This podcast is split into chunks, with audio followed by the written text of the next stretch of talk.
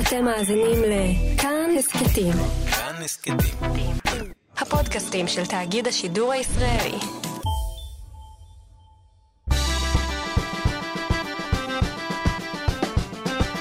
מה שקורה עם שירי לב-ארי.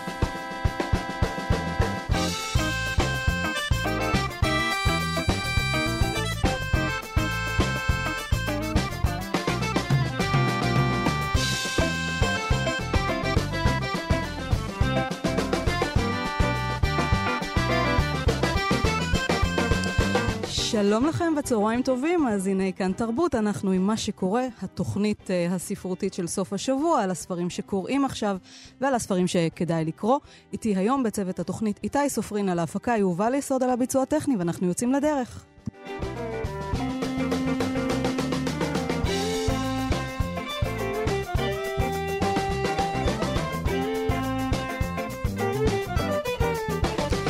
היום אנחנו נדבר בתוכנית על הרומן החדש של עמליה רוזנבלום, זמן שאול, על סופר במשבר כתיבה, וכמה רחוק הוא מוכן ללכת כדי לשחזר את הצלחת העבר שלו. נדבר גם עם ההיסטוריון, הפרופסור דוד אסף, על שיר הוא לא רק מילים, פרקי מסע בזמר העברי, ספר חדש על גלגוליהם של הניגונים שכולנו מכירים. ולבסוף נציין 50 שנה למותו של אלתרמן עם אלתרבר, אלתרמן על הבר וכל הרגלי השתייה שלו. אבל לפני כן, כמו בכל שבוע, רשימות רבי המכר. בסטימצקי בתחום אה, ספרי הסיפורת, המטופלת השקטה, פותח את הרשימה של אלכס מיכאלידס. אחריו זמן עבר של לי צ'יילד, שניהם אה, ספרי מתח. ואחריהם סודו של תליון אבן הירקן של אה, קירסטי מנינג. בצומת ספרים, ברשימת הסיפורת, עיר של בנות של אליזבת גילברט, עליה דיברנו כאן בשבוע שעבר. הנופלים של דיוויד בלדאצ'י, המטופלת השקטה כמובן, וגם נכנס אל הרשימה הזאת משטרה, הארי הולה, הבלה של יונס, בו הספר העשירי בסדרה, כבר בפנים. בתחום ספרי העיון בסטימצקי, כמובן יובל נוח הררי, 21 מחשבות על המאה ה-21, המרגל והבוגד של בן מקנטייר, ובצומת ספרים, הספרים המובילים בתחום ספרי העיון, טיוטה של אושר של נועם חורב, ומועדון החמש בבוקר של רובין שרמה. ועכשיו, אחרי שסיימנו את המבט שלנו על רשימות רבי המכר, נאמר שלום לעמליה רוזנבלום כאן באולפן. שלום, עמליה. אהלן. את עכשיו איתנו עם ספר חדש, זמן שאול, שראה אור בהוצאת כתר, ערכה אותו יערה שחורי. הנהדרת, כן, אני הרגשתי ככה את התנופה כן. של שתיכן בספר הזה. הספר מספר על שאול סמל, סופר מפורסם, שהסיפורים שלו נלמדים אפילו לבגרות, אבל הוא לא פרסם שום דבר בעשר השנים האחרונות. הוא מלמד ספרות באוניברסיטה בניו יורק, אבל גם משם מפטרים אותו. אין צורך לומר שהוא גרוש, אין לו גרוש. הוא אוהב את הילדים שלו וגם את אשתו לשעבר, אבל הוא לא משקיע בהם שום דבר כמעט. אבל אז הוא פוגש יום אחד את אלונה, בחורה צעירה, שמימיה לא קראה לא פרוסט ולא המינגווי ולא וירג'יניה וולף, אבל היא כותבת כאילו מלאך אלוהים מדבר מגרונה, ומשהו שם uh, קורה. תספרי קצת על השאול הזה, שנראה לי מתכתב עם מסורת של רומנים על סופרים במשבר כתיבה, או על פרופסורים, אם ככה לחשוב על הספרים של סול בלו ופיליפ רוט, אנשי רוח שפשוט נתקעים באמצע החיים. תראי, מבחינתי, המהות של הדבר לא הייתה משבר הכתיבה, או העולם שממנה הדמות הזאת מגיעה, אלא דווקא השאלה של מה יהיה מאוד דרמטי. איך אני יכולה להראות מה קורה לבן אדם שמאוד מאוד רוצה משהו, חושב שהוא יכול להשיג אותו, קרוב להשיג אותו, ויש לו הרבה מאוד מכשולים בדרך. ובמובן הזה, את יודעת, אם הייתי אומרת שמסעת הנפש של האדם הזה להיות אה, נשיא ארצות הברית, אז הייתי צריכה לכתוב ספר אחר לגמרי מבחינת הדרמות, הקשיים והפתרונות שבדרך. אז הייתי חייבת באיזשהו אופן למצוא משהו שהוא דווקא קטן. ומתוך המקום הזה בחרתי את הסיפור כבן אדם שבעצם כל מה שהוא רוצה זה לפרסם אה, סיפור בניו יורקר, כן? אז את יכולה אז הדרמה יכולה להיות אה, הרבה יותר גדולה, הדרמה של נמלה לצורך העניין, בדרך שלה כשהיא מנסה להעביר גרגיר, אה, ש, את יודעת, אה, מ, במרחק של עשרה סנטימטרים, הרבה יותר קל להראות אותה מאשר דרמה של אריה. אבל רגע, הוא לא רק רוצה לפרסם סיפור חדש בניו יורקר, אני חושבת שהוא רוצה לשחזר את הצלחת העבר שלו. הוא היה סופר נורא מפורסם, הוציא ב-79 ובשנות כן. ה-80, והספר האחרון שלו ב-91, והנה הרומן הרי מתרחש ב-2001, כן, קצת אחרי נפילת התאומים. הוא לא מפרסם כלום. חושב שהוא גאון, כולם אומרים לו שהוא גאון, אבל זאת באמת ה... נכון, זאת... ואיפה זה? איפה הגאון הזה? אבל הטרגדיה באמת של הנרקסיסט, כמו שגם אומרות לו חלק מהדמויות בספר, זה שאם הוא היה משקיע רבע מהזמן שהוא משקיע בלפנטז על המקום שהיה רוצה להגיע אליו, ופנטזיות נקמה על האנשים שעומדים בדרכו, ובמקום זה היה עובד, הוא כבר היה מגיע יותר רחוק. וזה מין, אה, זה גם מעגל שהולך ומחמיר אצל, נכון, אנשים מהסוג הזה, כי ככל שעובר הזמן, אז את כבר צריכה הישג יותר גדול ויותר הירואי כדי לפצות אה, ושיהיה לך אליבי לכל השנים שבהם לא עשית שום דבר. אז הרומן הזה, כמו שאמרתי קודם, מתחיל בעצם בשנת 2001, בספטמבר, שנייה אחרי... אה, דצמבר, אה, כן. כן. את מזכירה אותו בהתחלה, את נפילת התאומים, והוא באמת, בדצמבר זה בעצם סוף הסמסטר, סמסטר נכון. הסתיו, והוא כבר אמור להגיע לארץ. אני מזכירה את כל זה, משום שכבר ברקע יש דיבורים על מה שהיום אנחנו יכולים להגיד בוודאות, קריסתו של הגבר הלבן. נכון. יש שם סוכנת ספרותית שקוראים לה ברברה סטיין, לשעבר אתי עבדי, שאומרת לו, white men can't write. זאת אומרת, גמרנו עם הגברים הלבנים. אם לא קוראים לך ג'ונתן פרנזן או מייקל שייבון, אתה כבר לא רלוונטי, נכון. בתור גבר לבן. כן, והשאלה היא? את ממקמת את זה דווקא בשנת 2001, זה הניצנים של זה, כי היום זה הרבה יותר חמור. את בחרת ברומן המז'ורי הזה שלך להתעסק לא עם אישה, אלא עם גבר. אני לא בטוחה שבחרתי להתעסק בגבר, אני חושבת שבחרתי להשתמש בדמות של גבר כדי להגיד מה שאני רוצה להגיד, אבל את יכולה גם להגיד ששאול הוא סוג של מראה שהדרמות של כל הנשים בחייו משתקפות דרכה, של אה, אלונה המוחלשת מהבית ההרוס, של גרושתו, שהיא סוג של גם כן, אה, מתקיימת איתו באיזשהו סוג של אפשור והתמכרות, כן, אה, נכון שצריך שניים כדי לייצר התמכרות, של אימא שלו, שהיא סוג של מקורות הנילוס של הטרגדיה הנרקסיסטית שלו, של הבת שלו. אז את יודעת, זה, אני לא יודעת אם הספר הוא באמת רק עליו. אז בואי נתחיל איתו רגע, ותכף גם נקרא מתוכו. הוא, את ממקמת את ההתחלה בדצמבר 2001, הוא עומד לחזור לארץ. ג'רמי, ראש החוג שם באוניברסיטה, מבשר לו שהביאו, אה, לא, לא, לא מבשר לו שהביאו מישהו אחר, את זה הוא כבר למד לבד, שמביאים את האויב שלו, סופר בשם דוד שניידר, שזה נורא מעניין, תכף נדבר על דוד ושאול, הביאו אותו אה, ללמד במקומו, והוא אה, מפוטר, והוא עכשיו צריך לחזור לארץ, ואשתו אה, לשעבר עוד מבקשת ממנו לא לשכוח לקנות את תיק האור הממותג באיזושהי חנות, ונעלי ספורט לילד שרוצה לשחק אה, כדורסל, נעלי ספורט מיוחדות, ואיכשהו, בדרך לא דרך, כי מדובר פה בגיבור שהוא לא רק אה, פזור דעת ונרקיסיסט ואגוצנטרי, הוא ג'אנקי. זאת אומרת, הוא חווה, כן. ויש מאחוריו עבר מפואר של שתייה ושל סמי הזיה, והוא אה, משתמש אפילו באחד מהם, לא משנה כן. עכשיו, לא נגלה את הכל. בכל זאת מצליח לקנות את זוג הנעליים לילד, ואני, כל החלק הזה של הרומן, עוקבת אחרי שקית הנעליים שלא תלך לאיבוד, כי הוא משוטט בכל העיר והוא סהרורי לגמרי, נכון. והוא גם מסומם לחלוטין, כי הנעליים האלה זה, זה סמל של היותו אבא. יש משהו אמיתי במציאות. נכון. יש ילד שמחכה לנעליים נכון. האלה אי שם בתל אביב. אל תשכח את השקית בשום מקום. אני מאוד שמחה שאת אומרת את זה, זה היה מאוד uh, מכוון כמובן, ובמקום הזה אני חושבת שהספר שואב uh, השראה דווקא מסרטי מופת של שנות ה-70, וש... זאת אומרת, זה משהו שהיה לי בראש כל הזמן, באיזשהו אופן... קריימר נגד קריימר, הדמות הזאת, שהיא מאוד פגומה, אבל היא כן מנסה לעשות איזשהו שינוי רדיקלי, והאבהות, כן, היא ציר שבו יש אה, טעם, זה אולי היחסים היחידים שבהם יש רגעים של הבהוב שהוא מצליח או רוצה להצליח אה, להתעלות על עצמו.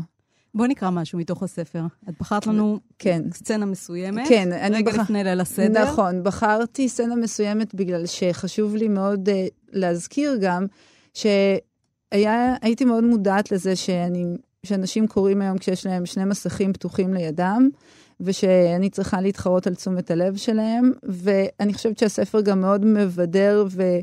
ובינג'י גם בגלל שאני חושבת, יש ציטוט שאני אוהבת, אני לא זוכרת של מי, שהחיים הם... Uh, טרגדיה לאנשים שמרגישים, אבל קומדיה לאנשים שחושבים. אז אני אקרא את זה. זה, הם, זה רגע לפני שהם נכנסים לארוחת ליל הסדר אצל אימא שלו. הוא אומר לילדים שלו ולאשתו לשעבר, ובכל זאת, חבר'ה ליצים, אני מזכיר לכם את הוראות הבטיחות הבאות. אין להעיר לסבתא שום הערה אשר עלולה, במישרין או בעקיפין, לפגוע בדימוי העצמי שלה, בתחושה שהיא כל יכולה, בהערכה שהיא רוכשת לשיקול דעתה וליכולותיה, או לרמוז שתחושת החשיבות העצמית שלה היא סובייקטיבית. נוח לחש לנעמי, אל הילדים שלו, רק שנייה, אני אביא את המילון. ושני הילדים צחקקו. לעולם לא נתחיל משפט במילים כמו, נראה לי ששכחת, את לא יודעת ש... שאול הביט סביבו. עוד רעיונות למישהו? כן, צחקה נעמי, אני חוששת שאת טועה, את לא יכולה. יפה, יפה מאוד אמר שאול, ואירמה הוסיפה, ולעולם לא להגיד לסבתא, את צריכה. נכון מאוד, תודה לאימא, אמר שאול בעיקרון. תחשבו על המילה צריכה כעל מילה גסה.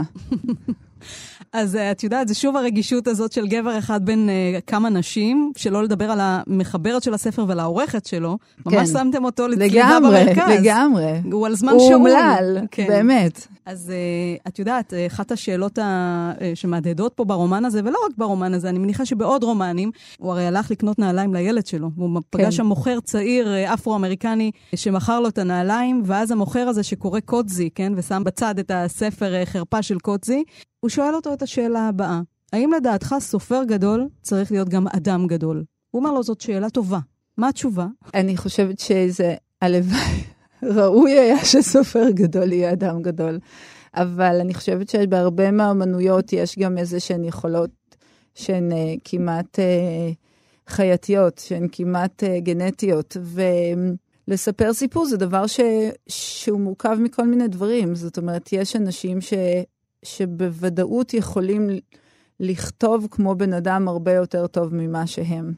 אבל יחד עם זה, אני חושבת שאת יודעת, זה לא בקטגוריה של ציירים שיכולים להיות באמת מפלצות, בגלל שבכל זאת, באומנות נרטיבית, אה, נדרשת קצת יותר אמפתיה, לפחות במובן הצר והקוגניטיבי שלה, של היכולת לדמיין את העולם מנקודת מבטו של אה, אדם אחר. את יודעת, אבל לא חסרות אה, דוגמאות לאומנים גדולים שנחשדו באנטישמיות, בגזענות. את אומרת ספרות, אז אני חושבת על סלין, את אה, פילוסופיה, כן. היידגר. כן, בדיוק. אז אני אומרת, כן, ה... ברור ש... אז אני אומרת, ברור שהוא לא חייב להיות אדם גדול. היה נחמד אם הוא היה אדם גדול, כן? לא, אבל, אבל אני, אני חושבת שהשאלה הזאת עונה על איזושהי ציפייה שלנו, שכשאנחנו קוראים אה, ספר, נגיד, ומרגישים שמישהו מדבר אותנו ואת הנפש שלנו, אנחנו מצפים שמישהו זה יהיה אדם נורא חכם ונורא טוב ונורא בוגר ונורא בשל. כן, תראי, אף אחד לא חווה את עצמו בתור הנבל. נכון? כשאנחנו הולכים לקולנוע, אף אחד לא אומר, אוי, הנבל הזה, זה בדיוק אני. זאת הטרגדיה, כן? שאנחנו תמיד, כולנו נבלים בסיפור של מישהו אחר, למרות שאנחנו מנסים לעשות רוב הזמן כמיטב יכולתנו. ולא תמיד מצליחים. ואני חושבת שאולי המטאפורה הזאת של הסיפור הקצר מול כותב הרומן, כן? הוא כותב סיפורים קצרים. זה אפשר היה גם למצוא לפני כמה שנים מאיה ארד פרסמה נכון, את הספר הנפלא נכון. של האומן הסיפור הקצר.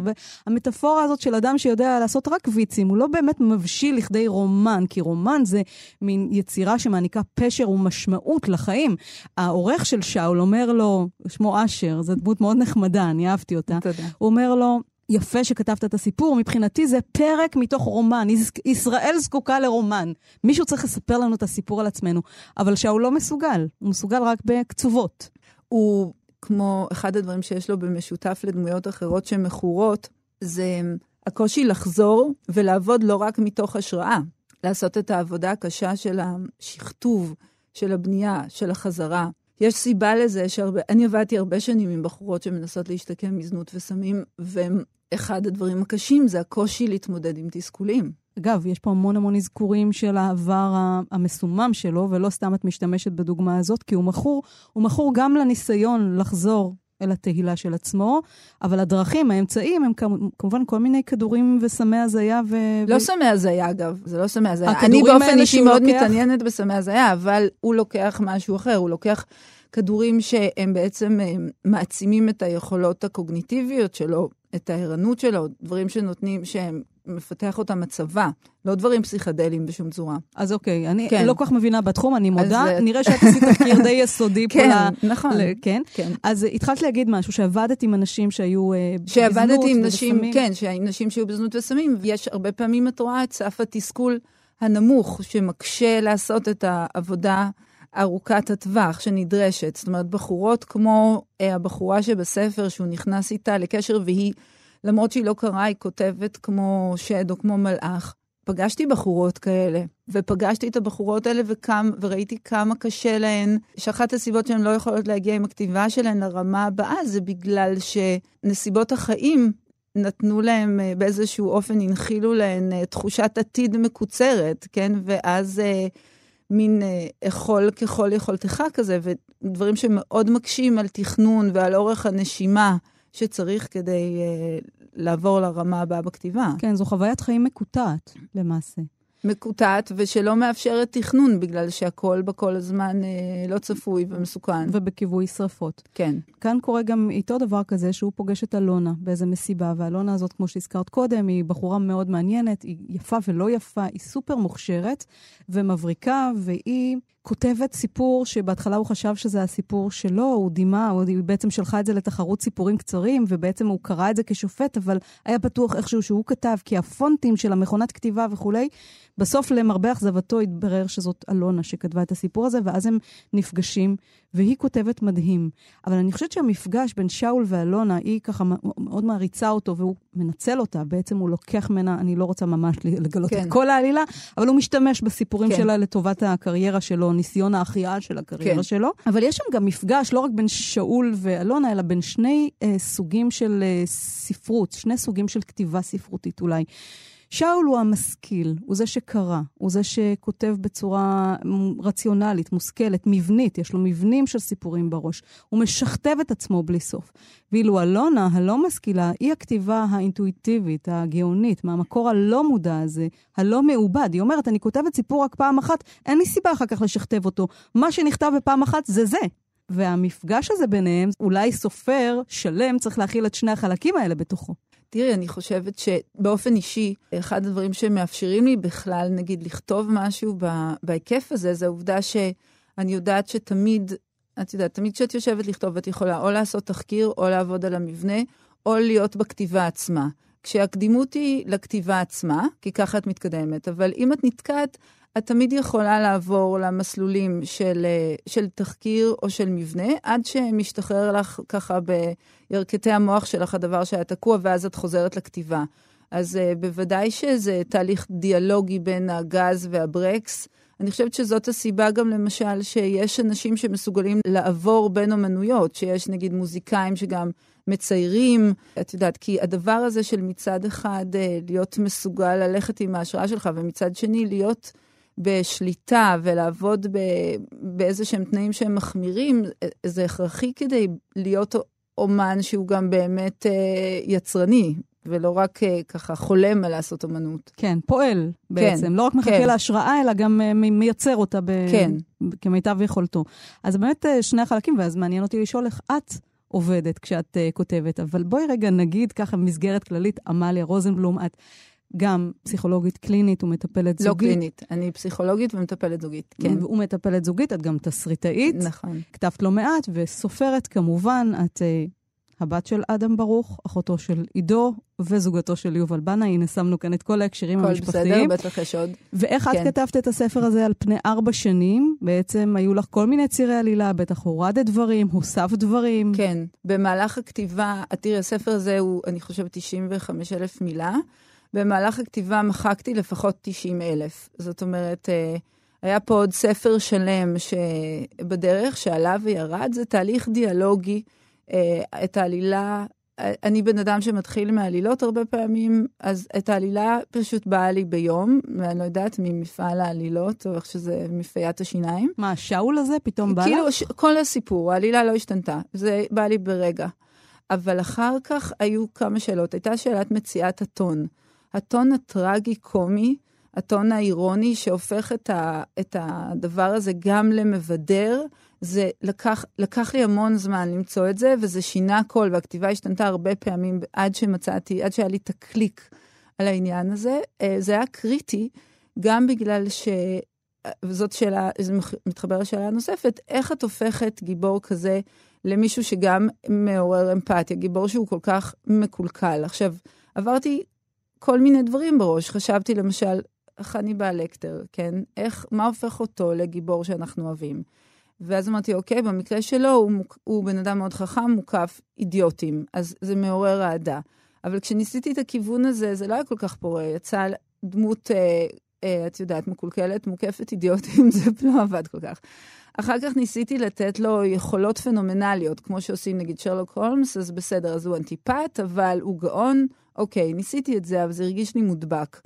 בסופו של דבר, הפיצוח המשמעותי ביותר היה כשהבנתי שמה שיעורר אמפתיה זה דווקא לצלול ללב המפליה של ה... באמת של הנרקסיזם הזה, במקום שבו זה, זה בעצם טרגי לחיות בצורה הזאת, שבו את כל הזמן מרגישה מותקפת, חסרת אונים, משווה את עצמך לאחרים, ולא במקום שבו את אמורה להיות. אז זאת אומרת, אם הולכים לזה עד הסוף, זה מעורר אמפתיה. ואם מוסיפים לזה את ההומור, כי אמנם ההומור הוא של המספרת, אבל היא מספרת את הדברים כפי שהוא רואה אותם, אז בן אדם שיכול להצחיק אותך, הוא גם מעורר את אהדתך, כי באיזשהו אופן את אומרת, אוקיי, אני לא, אני גם יכולה לראות חלק מהדברים כמותו, אני והוא בעצם כן, ביחד. יש לו מזל בזה. שהוא מצחיק. בדיוק, בעצם. כן. יש נושא מעניין שאת נוגעת בו, ככה בלב היחסים של שאול ושל אלונה, וזה הסיפור, סיפור המריבה, כן? הסיפור שהוא חשב שהוא שלו, ולמעשה היא כתבה אותו, ושם מתואר אה, זוג ביום הנישואים שלהם. יש שם אישה שיש לה אה, בעיית ראייה, בעיה בעצב הראייה, כן? אה, תאים מנוונים, והיא לא רואה טוב, אבל יש לה פיצוי דרך חושים אחרים, דרך חוש השמיעה למשל, ואז כשהבעל אומר איזה מילה, היא פתאום חושבת שזה לא הוא, שהוא אדם אחר. ומכאן מתחיל איזשהו סיפור. וזה נורא מעניין, העיסוק שלך בנושא של ראייה וראייה כמטאפורה. זאת אומרת, אדם שלא מצליח אולי לראות נכון את המציאות שבתוכה הוא חי. כן, אני חושבת שזה, תראי, ראייה יש לזה שני אספקטים, זה דימוי מכונן לשני דברים מאוד מאוד קריטיים. להבנה, כן, ולהכרה. באנגלית זה מאוד ברור, נכון? אם, אני, אם את אומרת לי את הרעיון הזה, עכשיו אני יכולה להגיד לך I see, נכון? אני רואה, משמעותו אני מבינה, כן? אה, זה מאוד קריטי. ובעברית אנחנו אומרים משהו שבאנגלית פחות משתמשים בו, שזה הוא לא רואה אותי, כן? מכיר בי, נוטיס. בדיוק, כן. כן, שזה של ההכרה. במובן הזה, הראייה, ואת יודעת, שאול, הוא באמת לא רואה. הוא לא רואה את עצמו מהצד, הוא לא רואה אחרים. כל זה, למרות שהוא כמובן מאוד רואה ורק, נכון, עסוק כל הזמן ב- בשאלה של איך הוא נראה, כן, והמראה עצמה, נכון, הוא יודע איפה יש מראות כן. שהוא אוהב אה, או לא אוהב. איפה הן מחמיאות כן, לו ואיפה לא. בדיוק, כן. כן. אז uh, חוסר היכולת הזאת uh, לראות, והסיפור ש... עליו הם עובדים, כן? כן. שאול ואלונה, נקרא עצב הראייה, שזה ככה משחק מילים נורא נורא יפה, כי זה קצת אולי עצוב כשאתה באמת מבין מה אתה רואה. זה, אני, נכון, זה היה השם המקורי של הספר, עצב הראייה. אדם כאילו בתוך משבר חיים, כן. שכלום לא הולך לו. נכון, זה היה, זה היה השם המקורי, אבל חששתי שהוא עלול... לא לייצג את הספר בגלל שהוא שם מלנכולי, שבמובן הזה הרבה יותר מתאים לסיפור שהם כותבים, כי הספר עצמו הוא לא מלנכולי, אבל אני תמיד אהבתי את השם הזה, היה לי את השם הזה שנים לפני שהייתה לי את העלילה הזאת, וקיוויתי שאף אחד לא ישתמש בו.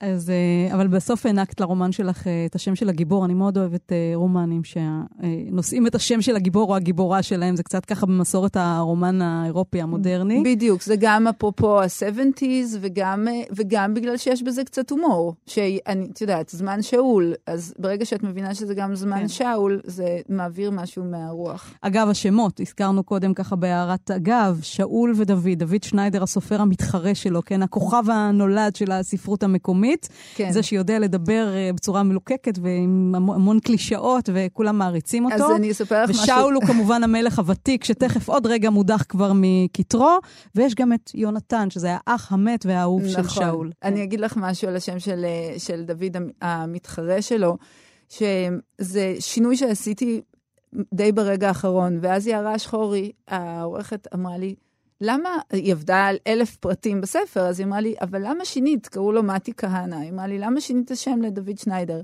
אז אמרתי לה, שאול ודוד. אז היא אמרה לי, או, oh, נהדר, אני בטוחה שיהיה מישהו שישים לב לזה, אז הנה, את שמת לב לזה, בדיוק. אני בעצב הראייה. בדיוק. אז אה, זה, זה מאוד יפה, וגם שאול, את יודעת, היה מלך מאוד פרובלמטי. זאת אומרת, אדם מיוחד וגדול, אבל אה, ליבו מר, כולו קנאה.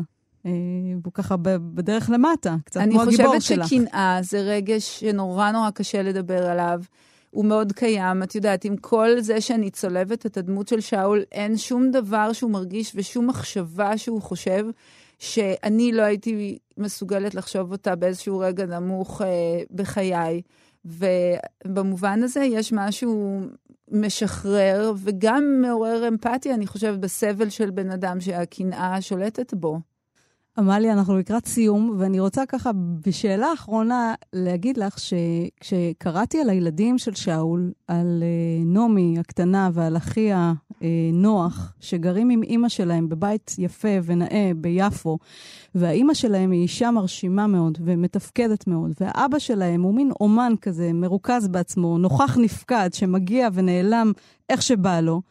לא יכולתי שלא לחשוב אולי על איזה משפחה אחת עם שני ילדים שהבן רצה להיות כדורסלן ושניהם גדלו ביפו, ועם אה, אימא ש... נהדרת. נכון, למרות ש...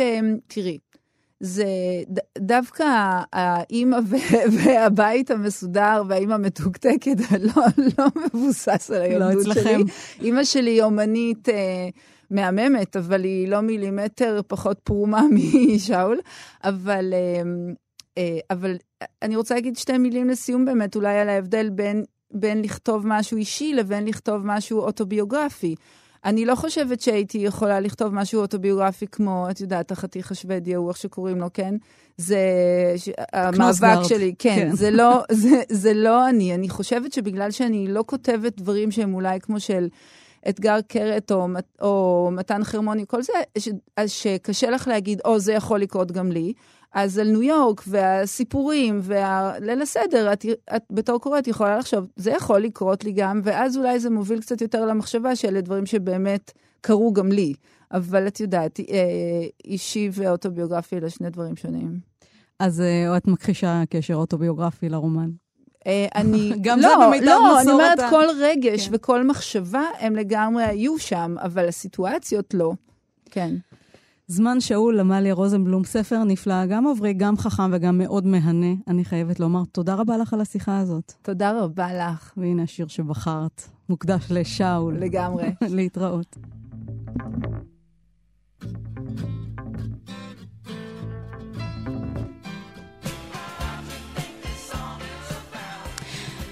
שיר הוא לא רק מילים. פרקי מסע בזמר העברי, ספר חדש שכתב אה, הפרופסור אה, דוד אסף ראור בעם עובד, מעקב בלשים ממש, מרתק, בין 18 פרקים, אחרי גלגולו של ניגון, כלשונו של אה, י"ל פרץ, האבולוציה של שירים ידועים ואהובים בזמר העברי והיהודי.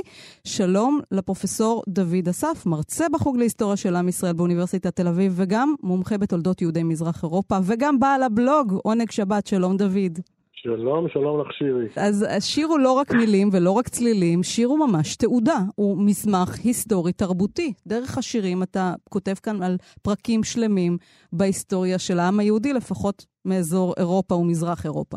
לא רק מאירופה ומזרח אירופה, גם מארץ ישראל, שאנחנו רוצים להיות אולי באירופה, חלק ממנה, לא. כן. וכמו שאמרת, זה רק, אה, אלה הן רק דוגמאות, אה, ואני חושב שבאמת שירים, לא כל השירים, אבל שירים רבים הם באמת אה, סוג של תעודה היסטורית, או מסמך תרבותי, כמו שאני מעדיף לכנות אותו. המילים והמנגינה הם רק חלק מהסיפור. ובדרך כלל הסיפור נולד הרבה זמן לפני שכתבו בכלל את השיר, והוא ממשיך לחיות גם הרבה זמן אחרי שאפילו שכחו את השיר. כך שבטיפול נכון ובבחירה נכונה של השיר אפשר ללמוד פרקים מרתקים על תולדות uh, עם ישראל, במקרה, במקרה שלנו, כן, זאת המומחיות שלי, ועל התרבות העברית באמצעות שירים, חלקם כאלה שכולנו שרים, אה, או כאלה שכבר שכחנו שאנחנו יודעים לשיר ואוהבים לשיר. אז אתה ממש עושה צדק עם כל הלחן העממי והמילים עממי, את כל העממי הזה אתה בעצם הולך וחוקר ומבין מה המקורות, ומבין שהמקורות של השירים הכי ארץ ישראלים או הכי אה, יידישיים, כן, מהעיירה, יש להם גם מקורות של שנסון צרפתי וחזיתות של מלחמות העולם ותיאטרון ורשאי. זאת אומרת, המקורות שלהם יכולים להיות גם זרים לחלוטין, והם עברו כל מיני אדפטציות בהתאם לרוח התקופה, לרוח המקום. התגלגלו לגמרי. הרבה מאוד. מתו ונולדו מחדש. לגמרי, זה נכון, זה כמובן לא נכון לכל שיר, בוודאי שיש מאות ואלפי שירים אה, מקוריים, אבל שירים רבים מאוד באוצר הזמר העברי או הישראלי מקורם אה, במחוזות אחרים. אה, לא תמיד זה מוסתר, הרבה פעמים זה גם גלוי, אבל מה שאמרת לגבי המחבר המפורסם שקוראים לו עממי, בן דוד של רב סרן שמואטי, כן? כן. מר עממי. זה נכון ששיר אף פעם לא נכתב מעצמו. כן? יש מישהו מאחוריו שכתב את המילים ושיצר את הלחן. אבל צריך להודות על האמת, זה לא תמיד קל לאתר, בוודאי לא בשירי עם יהודיים אה, מהמאות ה-18 וה-19, זה מאוד מאוד קשה. אבל אה, אפילו, את יודעת, אה, שירים מהזמנים האחרונים, לא תמיד אנחנו יודעים מי כתב אותם. יש כמה פרקים בספר שלי של, שאני עוסק בשירים שנכתבו בשנות ה-20, ה-30 של המאה ה-20. אין לנו מושג מי כתב אותם. אגב, בחרת י"ח פרקים, כן, י"ח שירים לספר הזה, 18 כן. הוא ככה סמלי, לא? לעולם היהודי. זה מכוון או לא? אה, לא, לא, לא, ממש... זה יצא ככה. על תפילת שמונה עשרה. אגב, רק נזכיר שזה נכון, התגלגל מתוך אה, בלוג שאתה כותב, בלוג נהדר מאז 2011, עונג שבת, הידוע בראשי התיבות שלו עונש, שמגיע נכון. לקוראים הקבועים שלו כל יום שישי בבוקר, ושם אתה נכון. באמת מביא הרבה מאוד פרטים של היסטוריה, של חברה, של תרבות יהודית. את הספר אתה מתחיל עם אה, חדר קטן, כמו שאפשר להגיד ככה בהגייה האשכנזית, כן. שכתב מרק ורשבסקי ב-1899. ביידיש אויפן פריפצ'יק, או א' נכון. ב', חדר קטן, צר וחמים ועל הקיר האש, שם הרבי, התלמידיו, מורה א' ב', ואתה מספר על הגלגולים של השיר הזה, שאנחנו רואים בו איזה שיר מתוק מאוד של זיכרון, של געגוע אל החדר הקטן והחמים, אל היהדות הזאת אה, של מזרח אירופה שהייתה ואיננה, אבל ככה, אם אתה חופר אה, ומוצא עוד שכבות, אתה מגלה שבעצם המקור של השיר הוא, הוא משורר צרפתי, שיר צרפתי, נכון, זה... ש, ש, שבעצם עוסק במורה וטרן, משוחרר מלחמה, והמורה הזה מלמד ילדים בכפר צרפתי קטן את האלף-בית, והוא ככה כן. מבין את החשיבות של ההשכלה, של הלימוד, כן? הלימוד זה חלק מחירות. אם אתה משכיל, יש לך אפשרות להיות בן חורין. זה השיר הצרפתי הזה, שקדם לשיר שאנחנו מכירים, ומרק ושבסקי... זה בעצם אחד הגילויים של ה... זה באמת אחד הגילויים המרעישים של הפרק הזה, שהוא פרק הדגל אולי של הספר, הפרק הראשון, על הגלגולים של השיר הזה הם פשוט גלגולים מסחררים. כי זה באמת מתחיל כבר במאה ה-19 עם, עם שיר צרפתי, שיר שנסון צרפתי שוורשבסקי כאינטליגנט רוסי הכיר אותו, ואף אחד לא שם לב כנראה לדבר הזה, ומתגלגל הרבה אחרי, לאורך כל המאה ה-20, ולעקוב אחרי הגלגולים של השיר הזה. מה, הוא מגיע ואתה... אל הדגל האדום והמהפכה, ואחר כך הוא מגיע אל הגטו היהודי והשואה. ושין בן ציון כותב השיר, שיר, שיר לילדי תל אביב, לילדי אחוזת בית שהולכים אה, בט"ו בשבט לטוע עצים, והאותיות הם עצים. וז'בוטינסקי כותב על השיר הזה כקריאה להתגייס ולאחוז בנשק, ואחר כך בשואה, כמו שכבר אה, הזכרת, וזה באמת גלגולים מסחררים, וזה מראה לך איך שיר אחד קטן יכול אה, באמת להדהים אה, עולם ומלואו ולהתפשט עד כדי כך אפילו ברשימות שינדלר, אה, כשספילברג צריך היה לבחור איזה מוטיב מוזיקלי לסרט, הוא בחר בצלילים של אופן פריפצ'יק. ובצדק, כי זה באמת רגע מדמיע. זה שיר יפהפה, אבל אתה גם שואל, דוד, בספר, האם באמת החדר היה קטן ו... וצר וחמים, או שהוא רק היה קטן, מה שנקרא? כי לא, לא כל החדרים היו כאלה חמימים. כן. והמלמד, האם הוא באמת היה רך וטוב לב, ובואו ילדים, שמעו בניי, בואו ללמוד את האותיות, או שהוא גם היה לו מקל ביד והוא היה מכה את התלמידים, כי הם היו, המלמדים האלה, ידעו ידועים באכזריותם.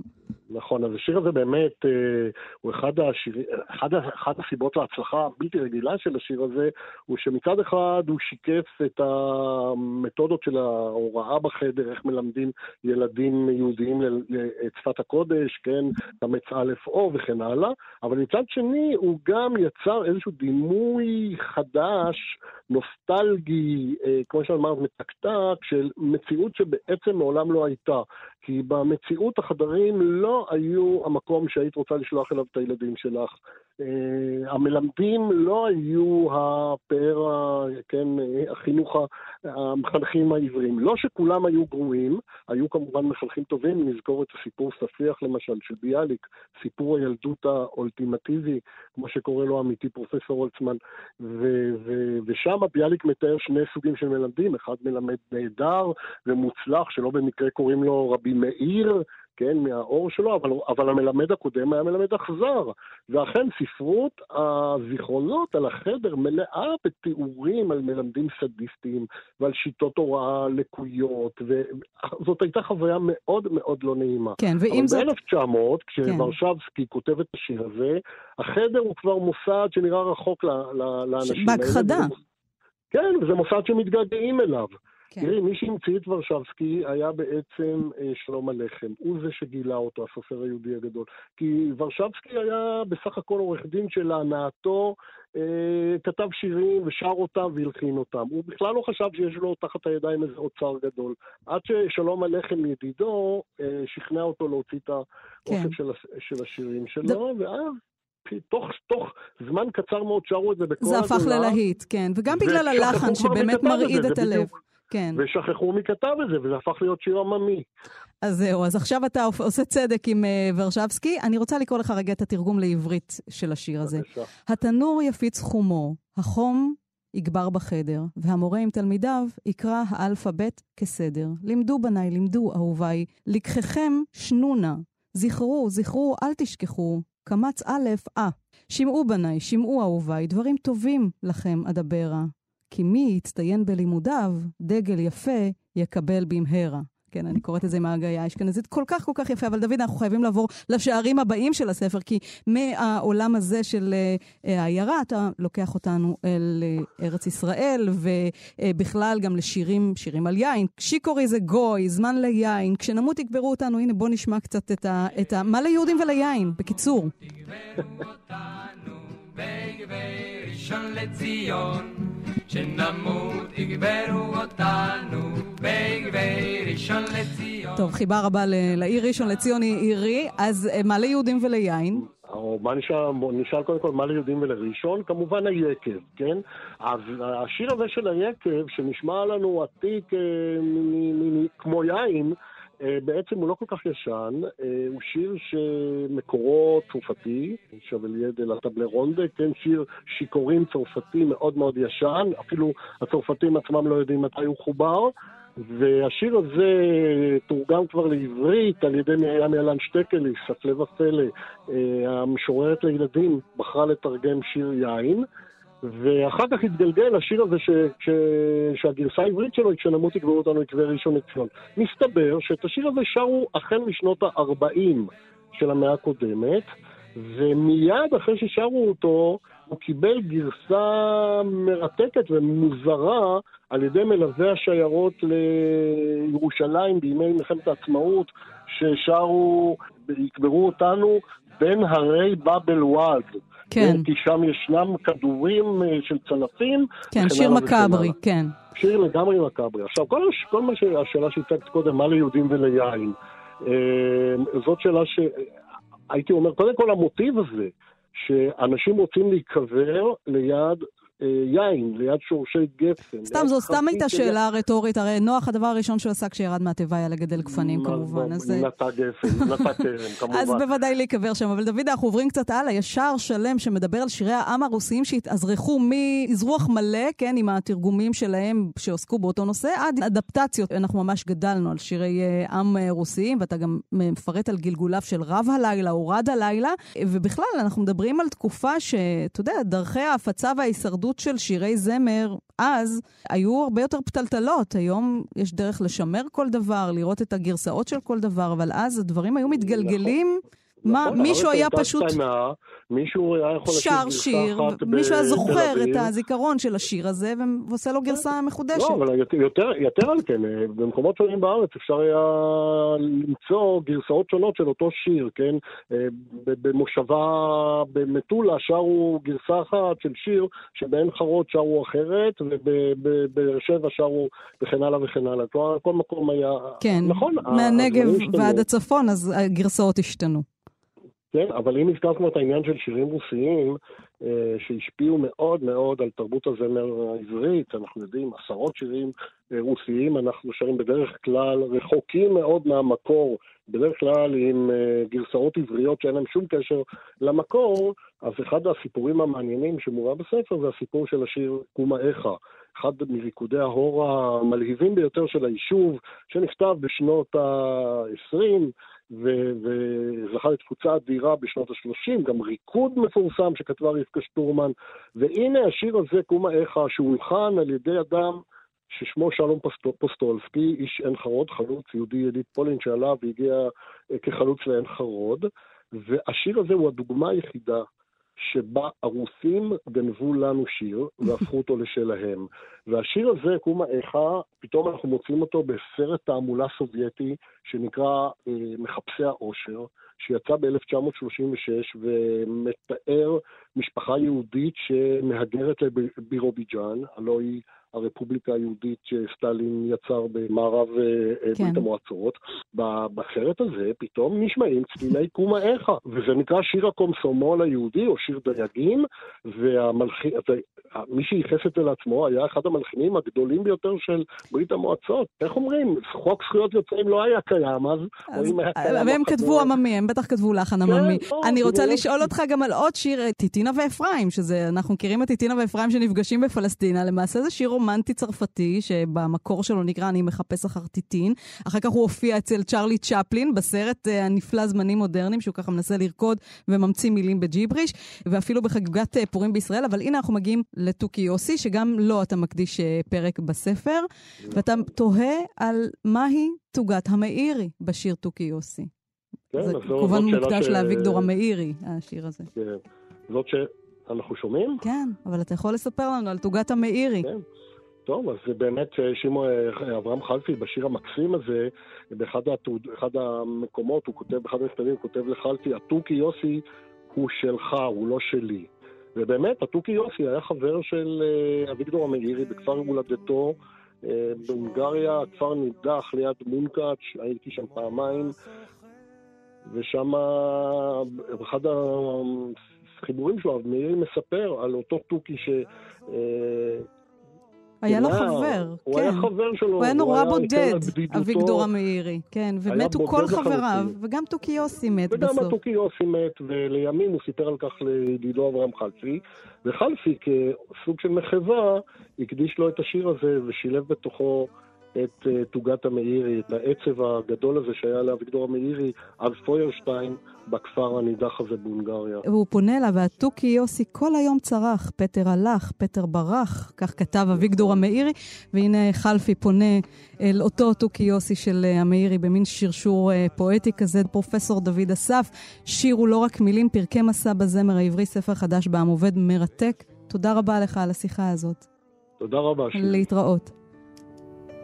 העצבות כמו כוסית זהוב. אנחנו ניפרד לרגע מחלפי ונעבור לאלתרמן, שהשנה מציינים 50 שנה למותו, הוא נפטר במרץ 1970. משורר כל כך חי, שמצרף אליו דורות חדשים של אוהבים ומעריצים ממש מדור לדור. אז אלתרמן אה, חי ובועט, ותל אביב חוגגת לו עכשיו השנה את שנת אה, אלתרמן, שנה שמוקדשת לאומן של העיר הזאת. ביום רביעי הקרוב יתקיים ברדיו EPGB בתל אביב, בחוף שדל.